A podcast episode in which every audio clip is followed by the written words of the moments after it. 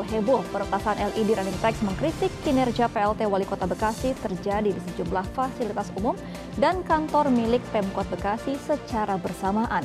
PLT Wali Kota Bekasi Tri Adianto melaporkan kasus ini ke polisi.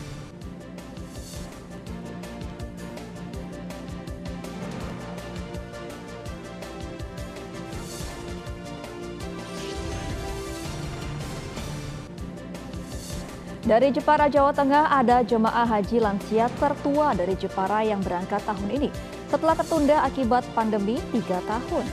Meski berangkat sendiri, tetap bertekad menjaga kesehatan tubuhnya.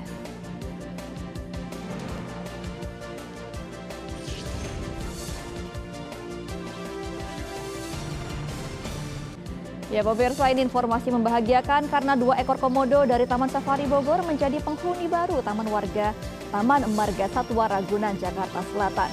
Seminggu beradaptasi, keduanya mulai nyaman di kandang barunya. Dampak dari larangan ekspor mineral mentah yang akan diberlakukan pemerintah Republik Indonesia melalui Kementerian Energi dan Sumber Daya Mineral atau ISDM mulai dirasakan sektor pertambangan. Pemutusan hubungan kerja atau PHK di sejumlah perusahaan pertambangan di wilayah Kalimantan Barat tidak terhindarkan. Pemerintah Indonesia akan memperlakukan larangan ekspor mineral pada bulan Juni mendatang. Sektor pertambangan sudah merasakan dampaknya, seperti PT Ratu Intan Mining, salah satu kontraktor pertambangan bauksit yang beroperasi di Kecamatan Air Upas, Kabupaten Ketapang, Kalimantan Barat. Vice Presiden PT Ratu Intan Mining Lukman mengatakan saat ini perusahaannya telah menghentikan kegiatan produksi tambang bauksit. Lukman melanjutkan jika pemerintah tidak memberikan kebijakan relaksasi ekspor terhadap perusahaan, maka pihaknya terpaksa membuat kebijakan untuk merumahkan ratusan karyawannya. 700 lebih karyawan itu yang aktif sebelum diterbitkannya undang-undang ini sekarang kita tinggal sekitar 600 karyawan lagi. Nah, yang ini tinggal kita lihat lagi kebijakan pemerintah sampai bulan 6 ini seperti apa. Ya kan itu dari sisanya. masih ada masih ada lagi kelanjutan-kelanjutan yang mungkin karyawan yang habis kontrak yang tidak lagi diperpanjang oleh manajemen gitu. Lukman mengklaim perusahaan telah mengikuti aturan dan memenuhi permintaan pemerintah, satu di antaranya soal keberadaan smelter yang sudah beroperasi dan jelas keberadaannya. Bahkan saat ini sedang dilakukan penambahan pembangunan land ketiga. Sementara itu, Kepala Dusun Batang Belian Bria mengatakan dampak pelarangan ekspor mineral mentah oleh pemerintah sangat dirasakan warganya. Sebagian besar warga yang mengais rezeki di perusahaan tersebut sudah banyak yang di PHK lantaran pihak perusahaan mengurangi produksi. Karena sebagian besar warga kami khusus Batang ini bekerja di pertambangan Pak. Nah sementara dengan adanya undang-undang tersebut sehingga mereka kena PHK otomatis akan berkurang untuk mata pencarian mereka Pak. Warga berharap ada solusi dari pemerintah terkait pelarangan ekspor mineral mentah tersebut itu seharusnya pemerintah kaji ulang itu karena kan dampaknya besar. Hmm. dampak itu baik bagi pengusaha maupun para pekerja. Ketika dia keluarkan penyetopan boksit otomatis dia pengurangan produksi. Setiap pengurangan produksi pasti karyawan dikurangkan. Nah karyawannya kurangkan ini otomatis dampaknya besar bagi ekonomi pekerja itu sendiri.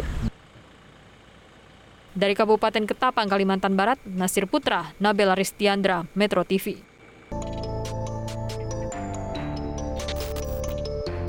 Bagaikan sebuah magnet politik, putra sulung Presiden Jokowi Gibran Raka Buming Raka secara bergantian didatangi oleh sosok yang akan maju dalam pemilu 2024 mendatang, yakni Ganjar Pranowo dan Prabowo Subianto.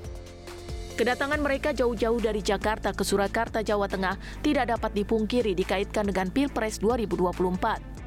Sebelumnya, pada Januari 2023, Prabowo mendatangi Gibran di Solo dan mengaku kepada wartawan dirinya mendukung Gibran untuk maju sebagai calon gubernur Jawa Tengah. Meskipun belakangan isu dukungan Gibran pada Pilgub Jawa Tengah sayup-sayup berubah menjadi permintaan agar Gibran bersedia menjadi cawapres Prabowo. Bahkan beberapa hari setelah Idul Fitri 1444 Hijriah, Prabowo menyempatkan diri halal bihalal bersilaturahmi lebaran ke rumah Gibran di Solo. Prabowo pun mengaku sudah terbiasa berkunjung halal bihalal ke rumah keluarga besar Presiden Jokowi.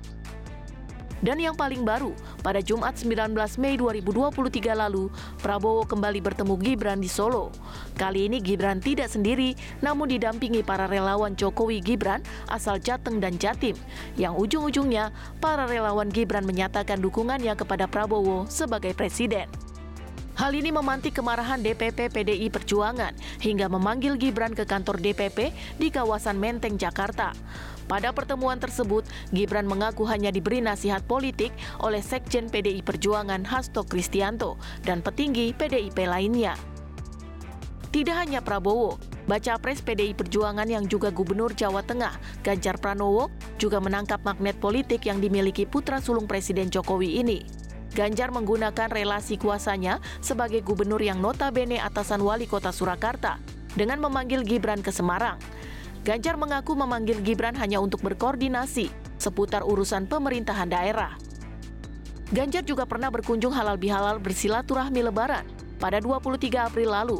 Usai sholat id bersama Presiden Jokowi, Ganjar juga mengunjungi rumah Gibran di Solo. Magnet politik Gibran ditengarai sebagai politik main dua kaki yang dijalankan Presiden Jokowi atas dukungan politiknya antara Ganjar dan Prabowo. Pada Sabtu 27 Mei 2023 ini, Ketua DPP PDI Perjuangan Puan Maharani mengunjungi Jawa Tengah. Salah satunya akan bertemu Gibran setelah bersilaturahmi ke sejumlah kepala daerah sesolo raya.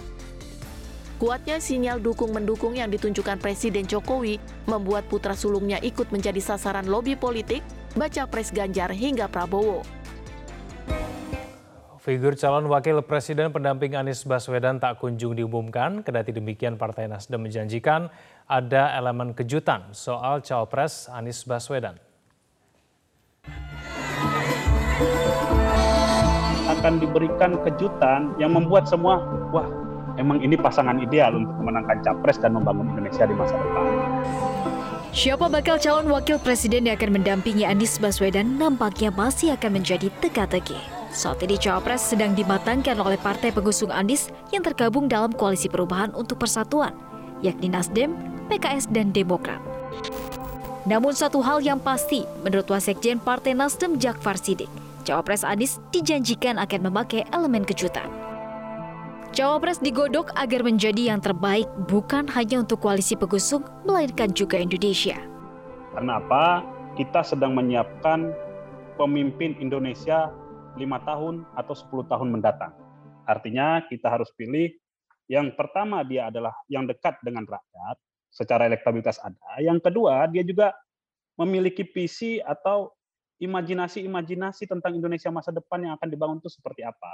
Jadi dalam piagam kesepakatan tiga partai koalisi yaitu Nasdem, Demokrat, PKS terkait wakil itu kita akan serahkan ke Pak Anies itu yang pertama. Yang kedua akan dimunculkan, akan diberikan kejutan yang membuat semua, wah emang ini pasangan. Empat bulan menjelang pendaftaran pasangan Capres-Cawapres pada bulan Oktober mendatang, poros koalisi dan bakal Capres belum menentukan sosok masing-masing calon pendampingnya. Capres Koalisi Perubahan Anies Baswedan berjanji akan menyajikan kejutan perihal calon pendampingnya. Mengapa koalisi perubahan belum mengungkap sosok calon pendamping Anies? Kami akan membahasnya bersama dengan Ketua DPP Partai Nasdem, Willy Aditya. Bang Willy, selamat sore. Selamat sore, apa kabar Mas? Kabar baik, terima kasih Bang Willy telah bergabung bersama kami di uh, Metro hari ini. Bang Willy, mengapa bakal capres dan parpol koalisi sengaja tidak mau terburu-buru mengumumkan nama cawapresnya? Tapi kemudian juga mengaku sudah mengunci nama-nama cawapres yang dibidik. Bang Willy. Iya, Bung Egan calon presiden yang pertama dideklarasikan itu Anies Rashid Baswedan.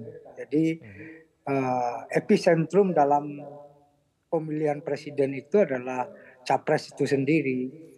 Cawapres penting, penting. Tentu dalam hal ini harus saling komplementari, harus saling memiliki chemistry. Kita akan menghadirkan pemimpin yang akan memimpin 270 juta lebih rakyat Indonesia tentu ini tidak bisa kawin paksa, harus memiliki chemistry, komplementari satu dan lainnya. Tentu proses itu membutuhkan waktu.